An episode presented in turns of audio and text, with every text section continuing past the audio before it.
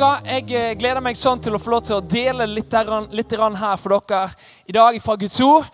Eh, og jeg er så gira for Jesus. Jeg, så, jeg, gleder meg sånn over å få lov til å få kjenne Jesus. Og jeg, jeg har lyst til at, at, du skal få lov til å få oppleve det samme. Eh, og Derfor har, derfor har vi en, en tittel som heter 'Fra tro på Gud til disippel av Jesus'. Fra tro på Gud til disippel av Jesus.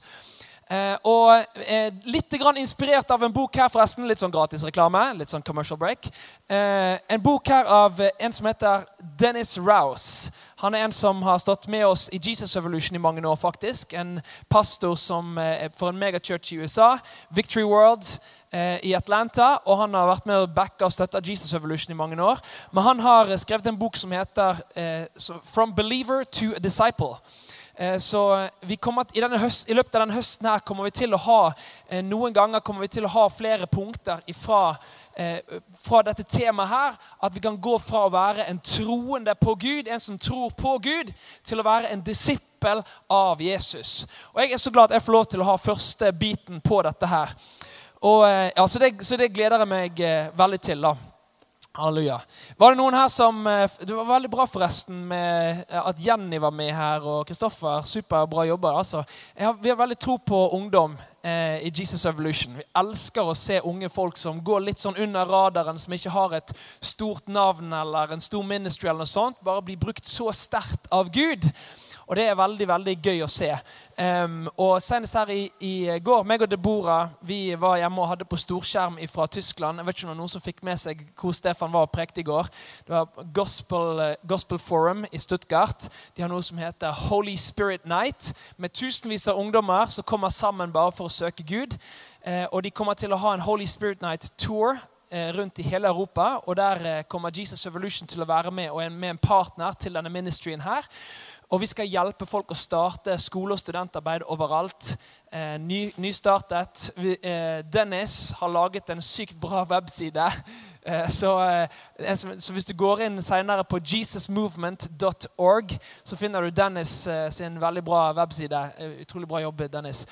Men vi, men vi helt, helt, eh, helt, nytt, altså. Der kommer, vi, der kommer, vi, til å hjelpe ungdommer til å ta tak i det livet som en har i Gud, og gå fra å være en som tror på Gud, til å være en disippel av Jesus og ta eierskap for det livet som allerede er i deg, og begynne å leve det ut.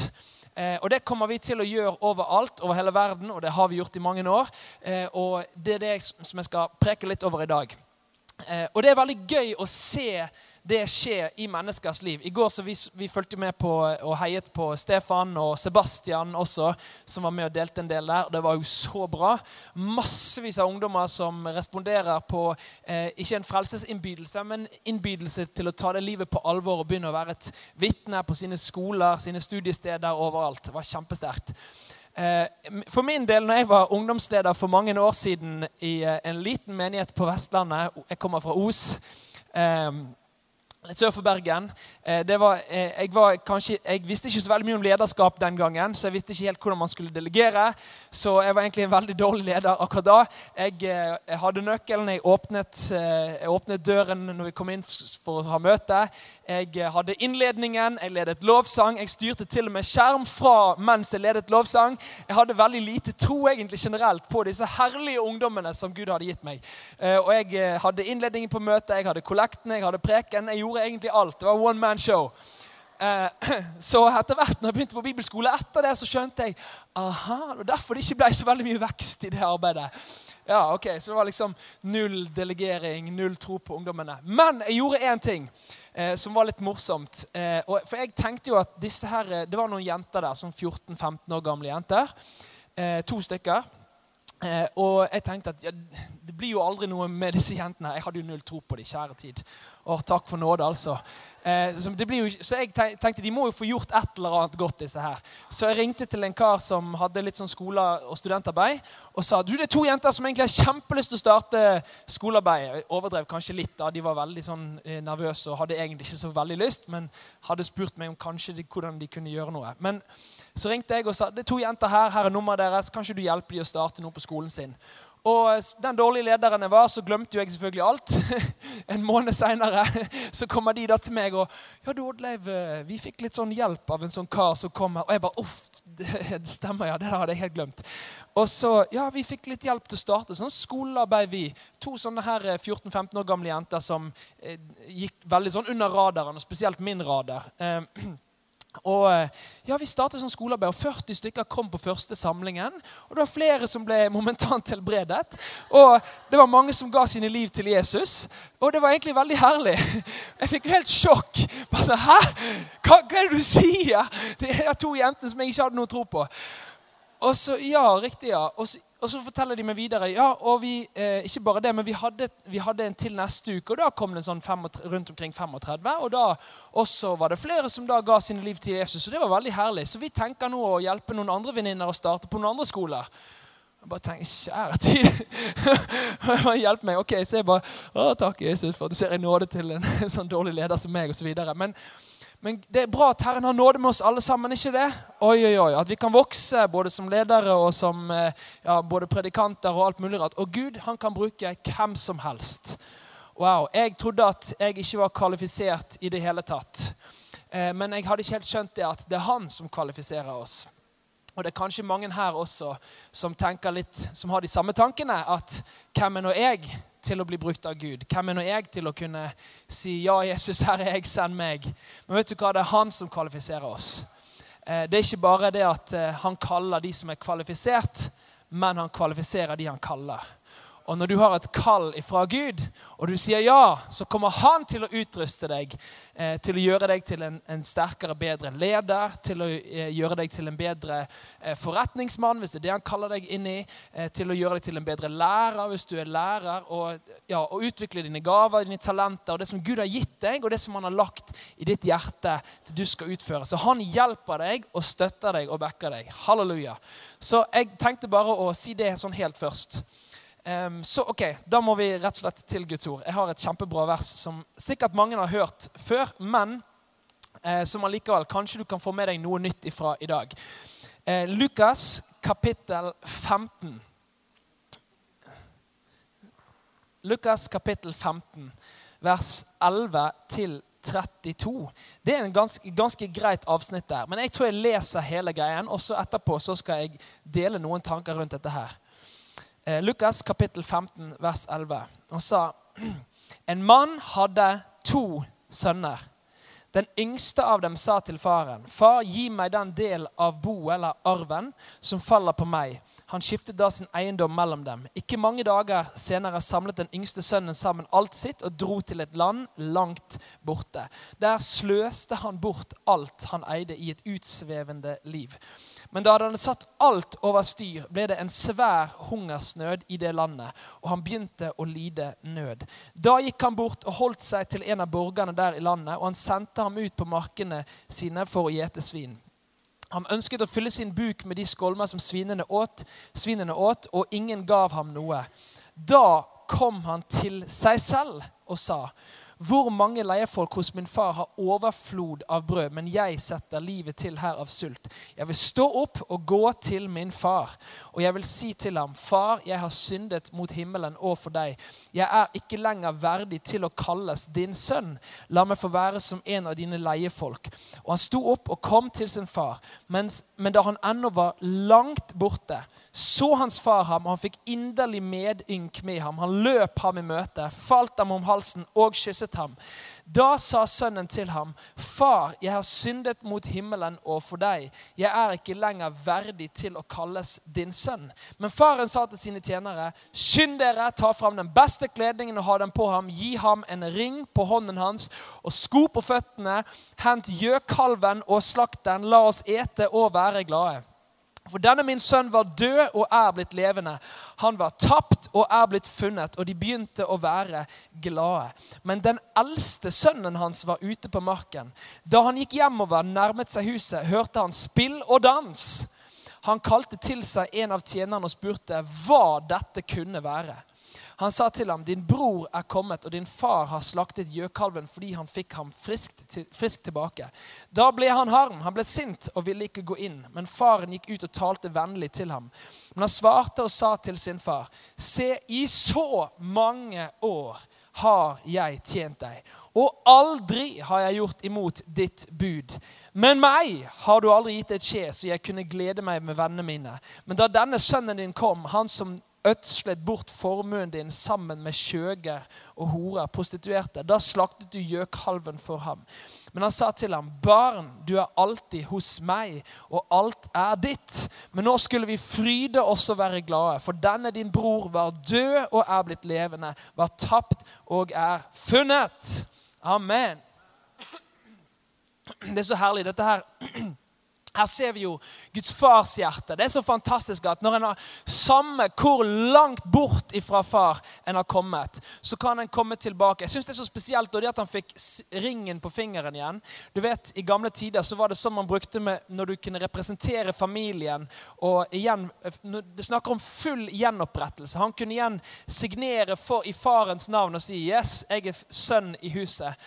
Det er så herlig. sånn at Når du kommer til Jesus, samme hva du har vært gjennom, samme hva som ligger bak, samme hvor mye ting har gått i stykker Når du kommer tilbake til far, når du kommer hjem, så er det, det er sånn at du, du, ser jo fra, denne, fra, denne, fra, dette avsnittet her at han driver og øver seg på liksom alt han skal si. 'Ja, jeg har syndet', og, og så videre. 'Ja, jeg er ikke verdig', bla, bla, bla. Og så videre. Det er nesten som at faren bare stikker fingrene i ørene bare la, la, la, la, la, og så går, sier han til tjenerne sine 'Kom igjen, nå lager vi fest'. Han er kommet tilbake igjen.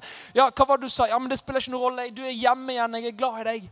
Og sånn er det når du kommer hjem til far. Samme hvor mye som har gått i stykker, samme hvor mye som er ødelagt. Du er elsket av den levende Gud. Han elsker deg så høyt. Og, og du kan komme tilbake til ham, og det er full gjenopprettelse. I 2. Korinterbrev 5, vers 17 der står det at om noen er i Kristus, da er han en ny skapning. Det gamle forbi, så alt er blitt nytt. Sånn er det når du kommer til, til Jesus. Det står også eh, eh at i Johannes kapittel 1, vers 12 der står det at han kom til sine egne, men hans egne tok ikke imot ham. Men til alle, alle dem som tok imot ham, til dem gav han rett til å bli Guds barn, de som tror på hans navn. Så når du kommer til Jesus, det er ikke bare det at du er en tjener eller en slave, men det er at du blir Guds barn. Full gjenopprettelse, full restoration. Halleluja. Det er veldig, veldig bra. Men det var en sønn til i dette huset her. Det var ikke bare han som hadde eh, han som hadde ødelagt alt, og som hadde vært med prostituerte og sikkert på kasino og drukket seg fra sans og samling og vært helt i grøftekanten og kom tilbake igjen. Og, for den er jo litt sånn obvious. den er jo litt sånn veldig, Da ser man det veldig tydelig at her er det en som har vært fortapt og kommet tilbake igjen. Og En ser jo farshjertet at han er allikevel elsket og fullt gjenopprettet. Men det var en sønn til. Og det var ikke bare én sønn som var bortkommen i denne historien her. Det var to. Det var to sønner som var bortkomne, begge to. Eh, og han andre, det er den jeg skal snakke litt om. den som, det, at det går an å komme inn i en kirke uten å, være, uten å ha det livet på innsiden. Det går an å kalle seg en kristen uten å egentlig kjenne Jesus. Og som vi ser ut ifra denne andre sønnen her som var hjemme Han ble jo sint når han egentlig skulle være glad. Egentlig burde jo han glede seg sammen med faren over denne broren hans som var kommet hjem. Og isteden så bare Hva er dette her for noe? Sant? Så ser han at han kjente ikke fars hjerte. Han, kjente, han hadde ikke det samme hjertet som faren sin. Han hadde ikke den samme forståelsen. Eh, og en annen ting også, han var ute på, eh, han var ute på marken og Eh, og, og, jobbet hardt og strevde på marken. En av de første forbannelsene som kom over jorden, det var over marken. Når Gud, når Gud eh, Med en gang med syndefallet, Adam og Eva, så, så taler Gud og sier at marken du skal Eh, i ditt ansiktsved skal du jobbe for, for eh, det du skal få inn. Marken det var en av de tingene som var forbannet. Det handler om gjerninger å gjøre. Eh, det handler om gjerninger, det at en hele tiden må prøve å, å være god nok. Hele tiden produsere noe. Med Kain og Abel, hvis du har lest historien om de, så var det to, to som hadde skjønt noe om Guds nåde. eh, eller en som hadde skjønt noe om Guds nåde, og den andre hadde ikke. Abel, han som kom fram til Gud med et lam. Han som visste at Guds lam en dag skal han ta bort verdens synd.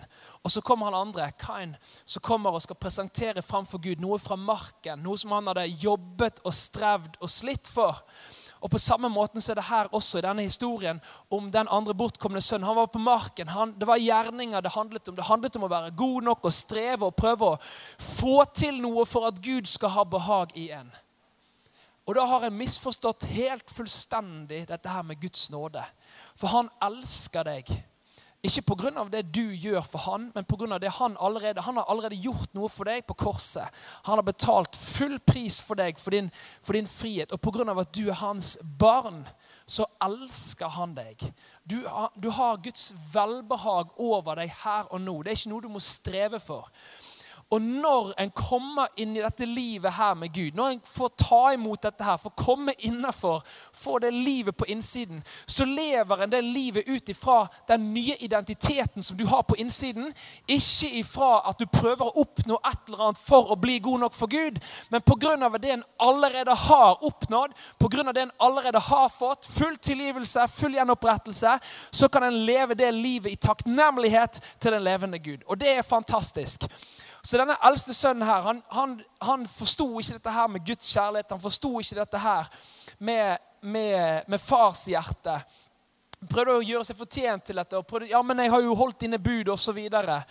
Eh, og, og gikk forresten også med en gang med baksnakking. Han gikk ikke direkte til faren sin engang. Han gikk først til tjeneren. Bare, 'Hva er dette her for noe? Fortell meg hva er dette her som jeg ser faren min der.' Så det er en annen, en annen ting også. Baksnakking med en gang. Så det er jo også litt sånn typisk. Um, men når en får en ny identitet, så skjønner en det som det står i Fesene 2,8, at en er frelst av nåde. Og Romane 8,1 at det er ingen fordømmelse for de som er i Kristus Jesus. Eh, at da er en blitt fri og, og virkelig satt fri. Født på ny. Eh, I 2. Peter 1,4 så står det jo til og med om at vi får ta del i guddommelig natur. Det er jo, helt, det er jo nesten sånne svære ord som er litt for store for oss egentlig å skjønne. men vi får når en blir født på ny, så får du ta del i, i guddommelig natur. Det er sånn wow! Det er liksom for heftig egentlig å skjønne. Og jeg, jeg husker jo tilbake til når jeg hadde, jeg hadde for mange år siden konfirmasjonsundervisning. Eh, eller, ja, eh, jeg var på konfirmasjonsundervisning. Men jeg hadde litt konfirmasjonsundervisning også. For jeg, disse, jeg, har jo alltid vært glad i Jesus. Mine første minner fra livet det er at jeg ba min kveldsbønn. Det er liksom mine første minner fra livet. Så jeg har ikke en sånn her eh, bortkomne sønn langt, eh, langt åt skogen-type historie. Men jeg har bare liksom hatt sånn gradvis stigning, mer og mer excited eh, for Jesus. Eh, og Det syns jeg er herlig. Man trenger ikke gå ut på en motorvei og bli truffet av en semitrailer for å finne ut at det er en meget dårlig idé. Man kan klare seg fint med å stå på siden av motorveien og skjønne halleluja, jeg er frelst, det er bra. Så, sånn kan, så hvis du har en sånn historie, så må du ikke på noen måte tenke at det er noen dårlig historie. Åh, oh, Det er en kjempesterk historie. At du har samme hva fristelser som har kommet inn, så har du bare sagt nei, jeg har noe som er sterkere. Wow, Det er en kjempesterk historie. Eh, men anyway, jeg husker fra, tilbake fra konfirmasjonsundervisning som jeg hadde. for jeg har, Min bakgrunn er da i, i lutherske kirken. da, det var eh, tidligere, Så har jeg etter hvert blitt døpt eh, med full neddykkelse og i Den hellige ånd osv. Men um, jeg husker at jeg var så gira for Jesus. Og jeg skjønte bare ikke hvorfor folk rundt meg ikke var like gira for Jesus som meg. For de måtte jo skjønne dette her, at Jesus er jo min beste venn. Han er jo den som har vært med meg gjennom alt i livet så langt, og han kommer til å fortsette å være med meg. Og liksom skjønte ikke helt dette konseptet med at det ikke gikk an å være gira for Jesus, altså. Eh, så etter hvert så, Hun som var kateket, tror jeg det het, eh, hun spurte om ikke jeg kunne ta litt, litt over denne undervisningen. fordi at jeg kunne jo disse eh, søndagsskolehistoriene litt bedre enn det hun kunne egentlig. Så, så, det var veldig, veldig, gøy, egentlig. Så jeg tror det var noe av de første prekenene mine. Jeg tror jeg var om, om eh, ja, noen historier der. Eh, ja, herlig. Men Skal vi se. Eh, ja, jeg må bare sånn at jeg ikke preker altfor lenge her, men fra tro på Gud til disippel av Jesus. I begynnelsen, når du begynner å følge Jesus, så du, spesielt hvis en har en sånn historie der du har gått veldig langt bort ifra Gud, eller vært veldig langt bort ifra han, og så kommet tilbake igjen. Til begynne, I begynnelsen så kan det være veldig sånn rosenrødt og sånn. Eh, og hvis, men hvis en er en sånn, eh, en sånn som bare tror på Gud, men aldri har fått tatt del i det livet, da, eh, så, kan det være, så blir det fort et veldig sånn, sånn tomt skall, og alt blir et åk. og det blir eh, ja, det blir tungt og det blir tøft og det går trått. og Det blir veldig sånn religiøst og kjipt, egentlig. Mens egentlig så er jo vi ment å leve et liv som, som er liv og liv i overflod de luxe. Eh, og det livet det har vi i Jesus.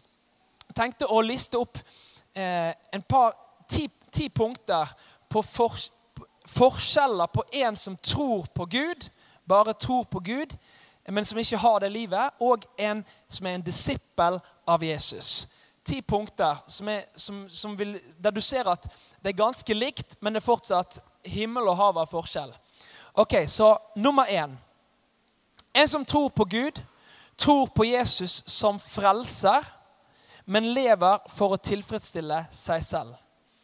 En som er en disippel av Jesus, tror på Jesus som Herre og lever for å tilfredsstille Gud. En som på en som bare tror på Gud, han hever sine eh, egne meninger over eh, egne meninger, følelser og tanker over Guds ord. Men en som er en disippel, han hever Guds ord over egne meninger, tanker og følelser. En som, på, en som, bare tror på Gud, tenker om menighet og kirke at det er et sted hvor man går for å høre hva Guds ord sier. En som er en disippel, tenker om menighet og kirke som et sted der man lærer å gjøre det Guds ord sier. En som tror på Gud, er ikke ansvarlig for andre enn seg selv. En som er en disippel av Jesus, er ansvarlig overfor alle. En som bare tror på Gud, tjener Gud hvis det passer bra. En som er en disippel, tjener Gud basert på en overbevisning. En som bare tror, prøver å imponere Gud ved å, ved å opptre religiøst og fromt. En som er en disippel, søker å kjenne Gud gjennom relasjon. En som bare tror, følger Gud så lenge alt går veien og alle omstendighetene er bra. Mens en som er eh, en, som er en disippel, eh, han følger Gud uavhengig av omstendigheter. En som bare tror, velger, velger, sin egen vei og ber Gud velsigne den.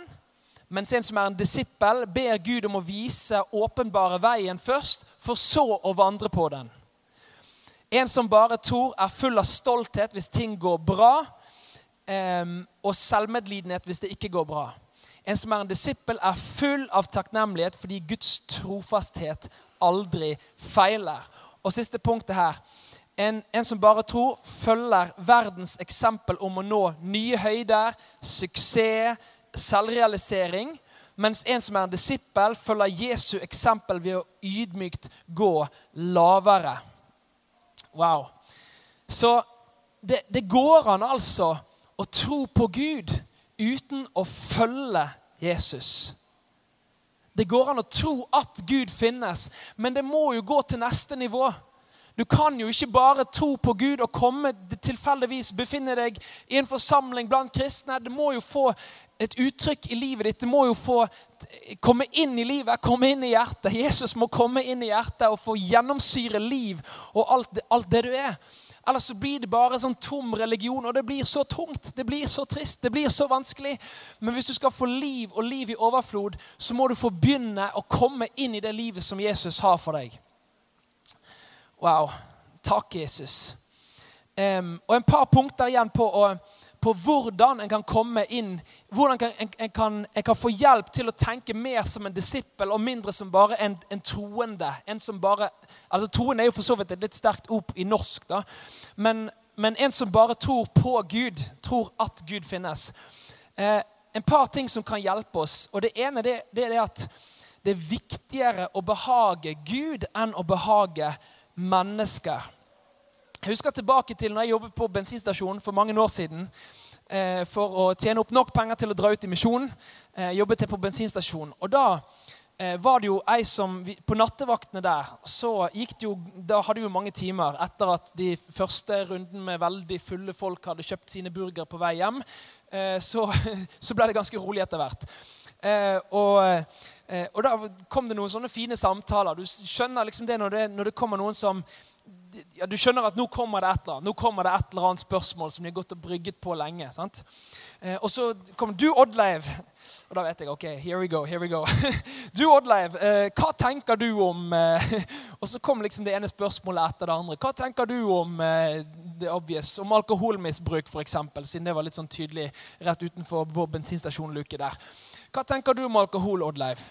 Ja, åh, nei, vet du hva, Det er så bra at vi kan følge Jesus. altså, At vi kan leve for noe høyere enn bare det å, å feste, sånn at en ikke husker noen ting på mandagen. Det er ikke så veldig kjekt allikevel. Åh, noe sterkere. Ja, ok, ja, ok, ja, men det gir jo litt mening. Og så spurte vi ja, hva tenker du Oddleiv, om abort og om homoseksualitet. og disse tingene her. Og så kunne jeg fortelle å, takk for at du spør. altså. Å, Gud, vet du, han setter liv så høyt. Han setter menneskeliv, verdien av et menneskeliv og din verdi så høyt at, eh, at mennesker har ukrenkelig verdi. Uansett hvor du er født, uansett hudfarge, uansett noen ting, så er du elsket av den levende Gud. Om du er fra mors mage av, eller om det Og så kunne jeg legge litt mer ut av. og da bare sånn, Wow, dette hadde hun ikke hørt før. Det, det, var litt sånn spesielt. Men samtidig så var det ikke liksom fullt gehør kanskje for alle disse punktene. Og ble litt sånn eh, småampert innimellom. Men allikevel sånn, hadde veldig sånn respekt da, for de tingene som hadde med Gud å gjøre. Eh, andre ting også under oppveksten så husker jeg liksom mange venner som, eh, som ikke var kristne, som forteller liksom om festing og sånn i helgene spesielt, og, at, og eh, om damer, at du må jo prøve en bil før du kjøper den, osv. Alle disse her latterlige, idiotiske kommentarene. Eh, som, der er bare sånn Nei, men vet du hva, jeg følger Jesus. Eh, og jeg hadde ikke alle svarene på alle spørsmålene den gangen. det hadde jeg ikke, Men jeg bare kjente på innsiden at nei, dette her er feil å gå i den retningen der. Og det som er litt kult, da, er jo at sånn i etterkant så er det jo flere av de vennene der som etter hvert ser at oi, det begynner å gå ganske bra med han Oddlaug. Han er jo både gift og greier. Det ser ut som han litt, vet litt hva han driver med når det gjelder sånn, sånn, dating og sånne type ting. Så jeg har til og med fått telefonsamtaler fra venner sånn midt på natten. 'Oddleiv, kan vi ta oss en tur og kjøre? Jeg må snakke med deg.' Midt på natten. og da bare sånn tenk, Det første jeg tenker, er å kjære tid. Sant? Er det noen som skal liksom ta sitt liv eller et eller annet med ringe midt på natten? Sant? Dette her må jo være et eller annet veldig alvorlig. Men så var det rett og slett bare sånn Nikodemus-samtale, som hvis du har lest Bibelen din i Johannes kapittel 3, som kommer om natten. For han var litt sånn flau for å spørre om disse tingene da i dagslys. Så bare, hva, hva tenker du, Oddleiv? Nå er jeg i et forhold, og det begynner å bli litt seriøst. Og, og jeg vet ikke helt hva, hvordan jeg skal gå frem. Hva gjør jeg nå, liksom? Og da, da, er det så herlig å kunne, å kunne, bare dele fra det livet en lever. Ja, vet du hva? Å, Det er nydelig altså at du kommer her og spør om disse tingene. her. Du må jo legge lista litt høyere enn det her. altså. Du må jo gå til faren selvfølgelig og be om hennes hånd. og Så må du finne på noe skikkelig romantisk og ta henne med på en fjelltopp eller et eller annet sånt. Og, og med ring, og, og, så legge listen skikkelig høyt. da, Sånn ifra ærbarhet og sånn som jeg finner ifra Guds ord. Og han gjør det. vet du. Kommer tilbake inn til meg. Wow, Jeg følte meg som en liksom, skikkelig mann altså, når jeg gjorde dette. her, sant? Å kunne gjøre det sånn skikkelig. Det var ikke sånn halvveis, men wow! Følte meg så bra. Så, så i dette her, altså Det livet med Jesus du skal ikke være noe redd for å leve ut det livet. Du skal ikke legge noe lokk på det livet eller tenke at å, jeg må være så forsiktig hele tiden og må skjule meg. og For alt i verden ikke skrive noe på CV-en. Å, kjære tid. Jeg husker jeg skrev på CV-en min når jeg søkte jobb på Lefdal den gangen. Nå er det bare Elkjøp. Men jeg skrev 'Jesus Revolution'. Jeg har vært et år i Jesus Revolution. Og husker På det jobbintervjuet altså, så sitter her sjefen her. Ja, vi ser jo her at eh, du har jo kanskje Ja, hva skal vi si? Eh, du har jo på en måte kanskje, Jeg vet ikke om du er helt vant med å være i et sånt miljø. Det kan jo av og til kanskje bli litt røft språkbruk osv. Så, videre. uh, så jeg vet ikke om det blir et problem for deg. Han prøvde liksom å være veldig grei da, og liksom prøvde å inkludere meg uten å helt forstå. Så jeg sa bare du, jeg har spilt fotball i syvende divisjon. Dette her går veldig greit. Så, eh, så, OK, ja, men greit. Oh, uh, ok, det var greit. Og så etter hvert, så når jeg, når jeg fikk da den jobben der og jobbet der en stund, så så jo han at eh, oi, ja, men det var jo ganske bra det egentlig å ha noen som er positive og prøver å løfte opp andre medarbeidere. og wow, det, og så var det mistenkelig så mange kristne etter hvert som ble ansatt på den, på den plassen. her. Så jeg vet ikke om det ja, det var i hvert fall veldig mange. Noen fra pinsemenigheten i byen der, og så var det noen fra en annen fri evangeliske. og et eller annet. Ja, Mange som ble ansatt der etter hvert. Så jeg tror han sjefen innså at oi, dette her, dette her var ikke dumt. Så, men jeg, tror ikke du skal være noe redd for å legge noe lokk på det livet som du har i Gud. Det er så fort gjort at en blir litt sånn redd. Hva vil folk tenke om meg? Og ja, jeg tror på Gud. Og så gjør han det så veldig sånn fromt og religiøst. Men vet du hva? La det være en helt naturlig del av livet ditt. Og hvis folk har et stort problem med at eh, du følger Jesus, ja greit, så kan vi snakke om ting og ha litt glimt i øyet, litt humor. Del veldig sjenerøst med Guds kjærlighet med folk og gå den ekstra milen. Så vil folk se at det som du har, det er så mye sterkere enn det som alle andre har. Og de vil se, Selv om folk ikke alltid kanskje skjønner helt med en gang, så ser en etter hvert at wow, det livet, det som du har, det er dyrebart. Det er verdifullt. Så, så det er herlig, altså. Så du kan være stolt av Jesus. Vær stolt av Jesus. Så Eh, ja, så jeg har lyst til å oppmuntre dere til det. Hvis det er noen som spør på noen jobbintervjuer eller noe som helst sånn som det. Eh, og, og, kanskje om det, frykten kan være å nei, hvis jeg ikke får den jobben, eller å nei, hvis jeg ikke kan komme inn på det studiet, eller sånt. Ja, ok, so what? Da får, vi, da får, vi, i alle fall en ekstra belønning når vi kommer til himmelen. Da. Sånn miniforfølgelse. Det er jo ikke noe forfølgelse, men det er sånn miniforfølgelse. Og da skal vi få en krone vet du, når vi kommer til himmelen. Så det blir veldig herlig. Så det blir jo bare sånn vinn-vinn-scenario. For det første, du er frimodig for Jesus. For det andre, du får belønning for det. Det er jo nesten urettferdig bra. Jesus er jo urettferdig god. Vi, vi fortjener det jo ikke, men han bare er så god. Halleluja. Så eh, en annen ting er det og ja, og det, det, er jo litt egentlig i det punktet mitt, det er at en kan følge Jesus uansett hva det koster. For av og til så er kostnaden av å følge Jesus kan føre til at Oi, dette var ikke helt det som jeg hadde forventet meg. Eller oi, her kom det en skuffelse deisende i fanget. Eller å, Gud har kalt meg til å gjøre dette her, men jeg vet ikke helt om eh, jeg er klar for det. Eh, og jeg har tenkt mye på den unge, rike mannen har du hørt den historien om den unge, rike mannen som kom til Jesus? Ja, det er noen som har hørt den. Veldig bra. Um, og Han kommer til Jesus og sier å, jeg har jo holdt alle budene osv. Er det mer, liksom? Han, han, var der akkurat sånn som han eh, bortkomne sønnen som var hjemme. Ja, jeg har jo holdt budene, jeg tror jeg er god nok. og Hva sier nå du, Jesus? Og så kommer Jesus og bare smeller til. vet du. Rett inn i hjertet hans, det som han egentlig trengte å høre. Og Sånn er det av og til med oss òg. Selg alt du eier, så kommer du og følger meg. Bam! Det var bare spikeren på hodet. Det var akkurat det som var litt for dyrebart for han til å kunne gi opp. Han ville ha heller sine penger enn å følge Jesus. Og jeg har tenkt mye på det. Hva hadde skjedd med den unge, rike mannen? Han, tenk om han hadde blitt med i teamet til Paulus. da. Tenk om det hadde vært første og andre eh, brev til den unge, rike mannen. Tenk om det hadde vært den unge, rike mannen som velsigner eh, og er med og, og, og sørger for at det blir masse store vekkelsesmøter i hele Jerusalem-området. Den unge, rike mannen. Kanskje det var til og med han som hadde sørget for et gravsted for Jesus. Alle disse tingene her. Åh, hva en går glipp av når en er så redd for å gi slipp på ting som blir litt for dyrebart for en. Og penger det er, en, det er en, et viktig moment der. altså. Så sørg for, når du kjenner at, at, eh, Herren banker på døren, når du kjenner at spesielt det med å gi penger For peng, vi lever jo i et samfunn som er helt utrolig eh, ja, eh, opptatt av penger. Og For å være en motpol til det da, så kan vi, kan vi være noen sjenerøse givere som gir i det skjulte. Ingen vet om det, men vi bare haha, jeg velsigner den, jeg velsigner den, uten at noen får vite noe. Og så bare velsigner vi folk i det skjulte. Og det behager Gud sånn, altså. Og da, da, hjelper det til at ikke pengene fester seg ved oss, ved våre hjerter. At vi er helt avhengig av det eller lever for det. Halleluja. Så penger det er viktig altså at, ikke, at ikke penger eier deg, men at du eh, har de og rett og slett er en forvalter av de pengene som Gud har velsignet deg med. Halleluja. Og eh, et punkt til også. Um, ja, jeg, jeg, kan ta en historie til først. Mange ganger så tenker en det når, på, på, det om at, at, en, at en følger Gud selv om ting blir tøft. Og spesielt det kunne gi opp noe. Eh, når jeg har bedt for denne her eh, søndagen, her, så, så, så jeg kjenner, jeg at jeg tror det er noen her som, som har det som at det er et eller annet som er for dyrebart for deg. At, at du ikke klarer å gi det opp for at, at, Jesus kan virkelig få komme til med sine velsignelser inn i ditt liv.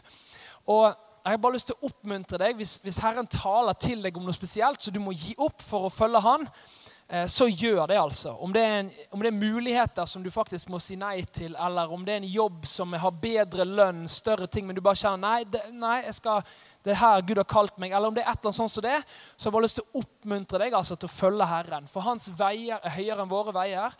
Hans planer er høyere enn våre planer. Jeg husker at når, når meg og Deborah når vi skulle gifte oss, eh, så, så tenkte jeg ok, hvis jeg setter opp alle mine planer, at jeg tar Eh, et fulltidsstudium der, på, på det, det, stedet der. og Da får jeg så og så mye inntekt fra studielån og stipend osv. Så, videre, så tar jeg en liten ekstrajobb der og sånn. Men det gjør jo at jeg ikke kan være fulltidsmisjonær i Jesus Revolution, som jeg var, og som jeg fortsatt er. Så bare tenk, ja, nei, men ok, jeg kan få det til. Jeg kan ha noen timer her og der der jeg er involvert i misjonsarbeidet. Men det var litt som et eller annet som ikke helt stemte. Men jeg satte opp alle mine planer. Og så husker jeg at jeg ble kalt inn på kontoret til Stefan Stefan Kristiansen, der han utfordret meg. 'Oddleiv, vi synes du er en bra kar.' Og, så videre, og, så videre, og vi har lyst til å utfordre deg på å ta hovedansvaret for denne avdelingen. Og der og da så bare pff, Alle mine planer Jeg visste med en gang at dette her er jo det jeg egentlig har bedt om. Dette her er jo det jeg egentlig skal inn i. Og Det gjorde jo til at alle mine planer Vi jo, vi skulle jo gifte oss, og vi trengte jo en god del penger til det. Alle som har eh, planlagt et bryllup noensinne, vet at det koster en god del penger. Og jeg var misjonær og trengte egentlig en lønnsøkning eh, for å gå i null hver måned. Og så, og, så trengte, og så, trengte, vi da 5000 hver måned inn opp på toppen av det. Så da var jo alle mine planer i grus. Så da måtte jeg inn og jeg må sa, jeg sa bare til dem at ja, jeg skal, jeg skal, be litt over det. Så går jeg da inn på mitt rom og bare Men jeg visste at dette her, Gud, du kaller meg til det. Jeg kjente at dette her er Guds kall. Jeg bare visste det. Og så sa jeg OK, Herre, jeg sier ja til det, selv om jeg ikke helt vet hvordan ting skal gå. Eh, og Så går jeg inn igjen og så sier jeg ja, du, jeg sier ja til dette. her jeg. Og Så snakket vi om det, og vi trengte jo da eh, ganske mye penger fortsatt. Og så taler Gud til meg. Jeg skal gi deg dobbel lønn ut ifra Jesaja så, så i min personlige tid med Gud. Jeg skal doble lønnen din. Wow, det her var jo spesielt. Eh, og så, eh, seinere så, så, opplevde vi virkelig en mirakuløs eh, forsørgelse. altså. Vi hadde jo ikke sagt dette her til, til noen. Dette her nå begynner å bli noen år siden nå. altså. Det er 2012 eller sånn, tror jeg var. Eh, og jeg hadde sagt det at ja, 5000 kroner kommer til å komme inn på min konto fra denne måneden herav. Det var da september måned. Eh, og vi skulle gifte oss der på følgende august. Eh, og, eh, og, så er vi i et møte, og så ble vi invitert hjem på middag til noen. Eh, og så stopper han bilen, og så ser han på meg og så sier han, du, det var et herlig møte dette her, men Den hellige ånd talte til meg at du skal ha 5000 kroner. Hæ? Og så sier han jeg spurte Den hellige ånd sikker på at det ikke er 6000 eller 10 000. da, Men Den hellige ånd sa nei, det er 5000. For det var akkurat det vi hadde snakket om. Vi trenger 5000 inn på konto. Um, og, så, og, så, sier han at ja, vi har et firma og sånn og sånn, og vi kan sette det opp sånn og sånn, men vi har lyst til å støtte deg med 5000 i måneden. Og det var jo helt, helt enormt. Og, og, det er sånn at Gud velsigner spesielt det med når man skal gifte seg. Det er jo herlig for alle som tenker å gjøre det en gang. Uh, men det var så godt å se Guds forsørgelse når en velger å si ja til Jesus. Selv om det noen ganger du ikke ser helt hvordan det skal gå, så ser du wow, han er god. Han sørger for oss. Eh, og samme hva det er, da, om det koster deg noe For noen ganger så ber Jesus deg om å plukke opp korset som er egentlig et torturredskap. Ikke bare et fint kors som en går rundt med, men det var egentlig et torturredskap. Selvutslettelse. Ikke meg, Jesus, men det som du vil. Og Da får du se at det er et sånt liv og det er en sånn velsignelse på andre siden. At det er helt fantastisk. Takk, Jesus. Oi, oi, oi. Og Da får du et liv som blir helt utenom det vanlige. Da får det, og det er da neste punkt for de som tar notater. Må ta notater, folkens. Det er mye bra her som, eh, som Gud gir deg. Så eh, få tak på ting. Om du ikke skriver ned alt, så i hvert fall håper at det er noe Gud taler til deg som du kan bevare i hjertet. Men da får man et liv utenom det vanlige. Et ekstraordinært liv. Jesus ber oss om å gi så skal vi få. Eh, Jesus sier at, at vi skal tømme oss av, fra oss selv, så vil han fylle oss. Jesus sier at, at den som liv, den som mister sitt liv for mitt navns skyld, han skal finne det. Så det er sånn helt sånn opp-ned-rike. Det, det, er ikke alltid at det gir sånn mening sånn med første øyekast. Og Noen ganger så er det litt sånn skummelt det å kunne ta det skrittet og si OK, Jesus, jeg gir deg alt, som vi sang her i sted. Jeg vil gi deg alt. Og hvis vi faktisk mener det, hva, hva vil det si i ditt liv? Hva er det eh, at, Tenk at din karriere, dine penger, dine planer, alle muligheter som ligger foran Hva hvis du tør å legge det i Jesu hender?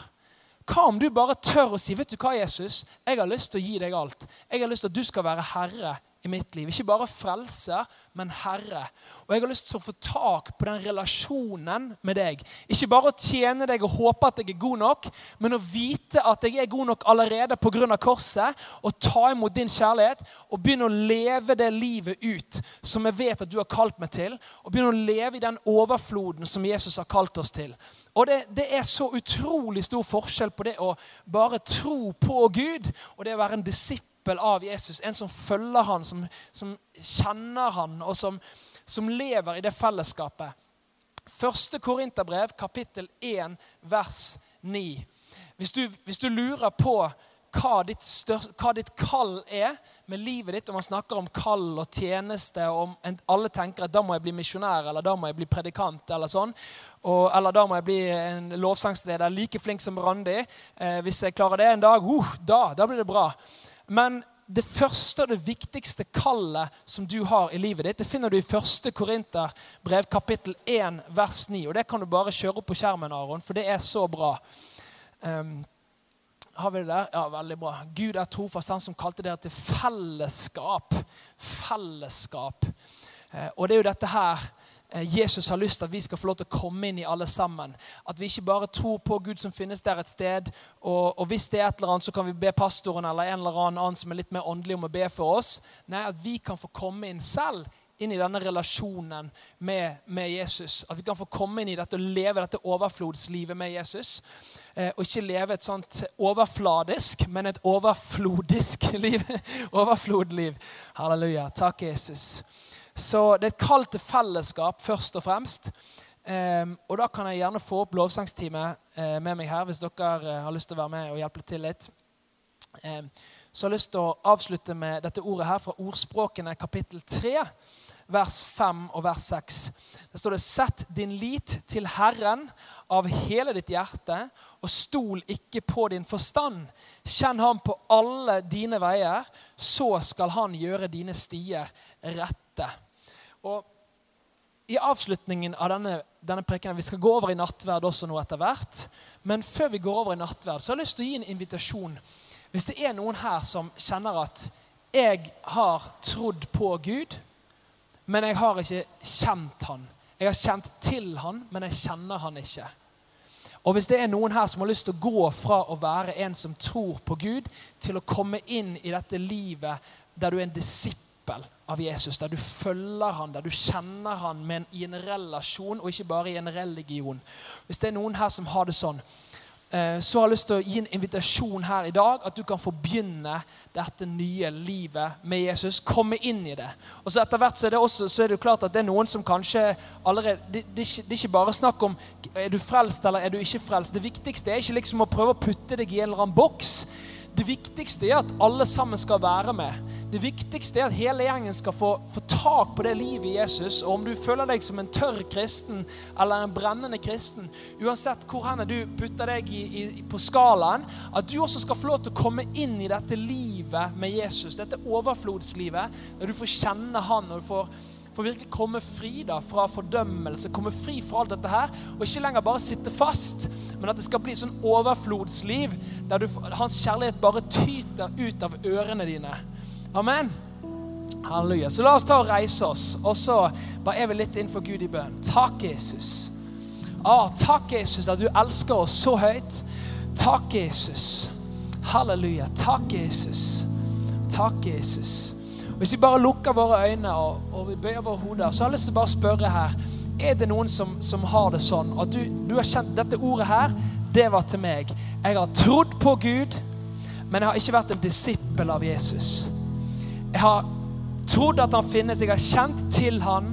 Jeg har kanskje til og med gått i menighet eller kirke tidligere, men jeg har ikke latt han få komme inn i mitt liv og få hele mitt liv. Er det noen som har det sånn? Mens vi lukker øynene våre her, så har jeg lyst til å be deg om å rekke opp en hånd hvis det er deg. Bare som et tegn på at det er meg. Be for meg. Gud velsigne deg. Er det flere også som har det sånn? Er det flere som har det sånn at du har lyst til å si at yes, i dag har jeg lyst til å gå fra å være en, tro, en som tror på Gud, til å bli en disippel av Jesus? Rekk opp din hånd. Bare for se, for se. Høyt opp. Er det flere også? Gud velsigne deg. Gud velsigne deg. Herlig, altså. Kan bare ta, ta hånden ned, så skal vi ta og be sammen. Skal vi ta og be sammen. Takk, Jesus. Halleluja. Takk, Jesus.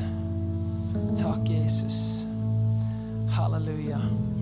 Mens, mens, mens eh, lovsangsteamet de kommer på her nå etter hvert, men, men vi, vi, bare ber en enkel bønn ifra vårt hjerte. Akkurat der du står. Jeg kan ta og be en enkel bønn her, her først. Eh, men det viktigste er at du ber ifra ditt hjerte, direkte til Jesus. Be en bønn der du, inviterer Jesus inn i ditt liv. Så Jesus, kom inn i mitt liv. Halleluja. Så Jesus, jeg har lyst til å invitere deg inn i mitt liv.